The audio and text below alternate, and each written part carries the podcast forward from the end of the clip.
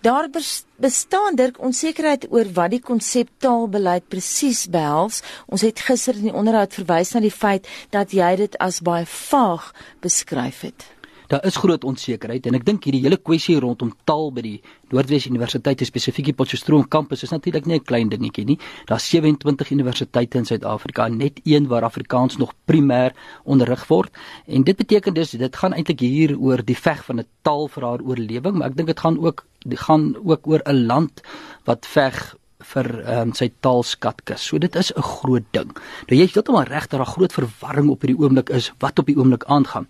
Nou die verwarring lê daarin dat daar eintlik twee dokumente ter sprake is. Die een dokument is die taalbeleid en jy het nou verwys na die taalbeleid wat uitgestuur is. Nou hierdie spesifieke taalbeleid sê op verskeie plekke dat ehm um, die universiteit omhels veeltaligheid, so op die oor af klink dit goed. En ehm um, ehm um, maar die byt van so taalbeleid lê natuurlik in die plan hoe hy toegepas word. En dis die tweede dokument. Ons kyk net na die eerste dokument, dit twee groot rooi ligte. Die een groot rooi lig is dat hy wel sê dat Afrikaans 'n belemmering is vir toegang. En die oomblik as jy met daardie uitgangspunt werk, dan is dit eintlik lippediens aan Afrikaans as primêre taal en word Afrikaans dan 'n sekondêre taal of ondersteunende taal. En die tweede dilemma is natuurlik die skuif oor fakulteite en nie meer kampusse nie want fakulteite strek oor verskeie kampusse en twee van die kampusse is natuurlik Engels en dit gee aanduiding waarna toe ons op pad is maar nog steeds 'n baie vaag dokument sê nie presies wat in praktyk gebeur nie die tweede dokument is dan die bydokument. Dit is die dokument wat sê hoe word dit in praktyk toegepas. Nou die enigste weergawe wat ons het oor die kom ek noem dit die bydokument is die dokument van die adjunk fisiekanselier van die universiteit. Dit is professor Belfor. Hy is verantwoordelik vir die opstel van die plan. En daardie dokument is nog baie vertroulik. Niemand het hom regtig nie, maar hy het uitgelek aan die media. En daardie uitgelekte dokument is die dokument wat hierdie hele herrie veroorsaak het, nie die ander dokument wat meer vaag is nie. Nou ek het daardie uitgelekte dokument self nou in die hande gekry, ongelukkig nie by die universiteit nie. Die universiteit moet dit eintlik gee.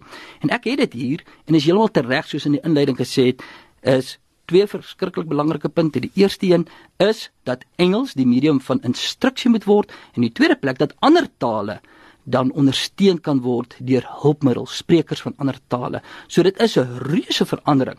Nou hierdie dokument sê die universiteit nog 'n werksdokument bedoelende dat hier lê nog 'n konsultasieproses voor. Ja, dit is 'n konseptaalbeleid. Dis heeltemal nog in konsep, daar word nog aan gewerk, maar die rigting op die oomblik natuurlik duidelik en daarom sal 'n hart teruggedruk moet word as jy die rigting wil verander.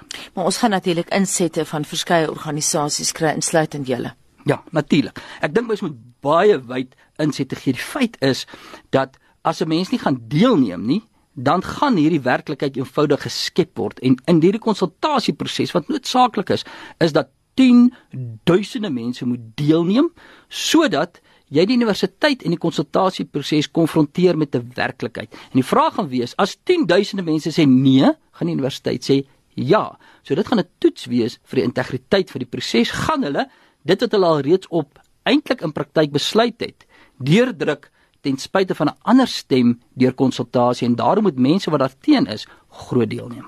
Wat van die ander kant van die saak? Wat sê wat maak dit regtig saak as Engels voertaal is? As dit is wat die meeste studente wil hê en dosente. Die uh, demokrasie word getoets aan sy krag om die minderheid te beskerm. So jy kan nie altyd net kyk wat sê die meerderheid van die groter universiteit nie. Jy moet sê ook hoe beskerm ek die minderheid op 'n spesifieke kampus. Nou um, Afrikaans het daar 'n wonderlike ding ontwikkel wat hy ontwikkel het tot dan 'n hoë orde taal en dit is iets wat ons absoluut in beskerming moet neem.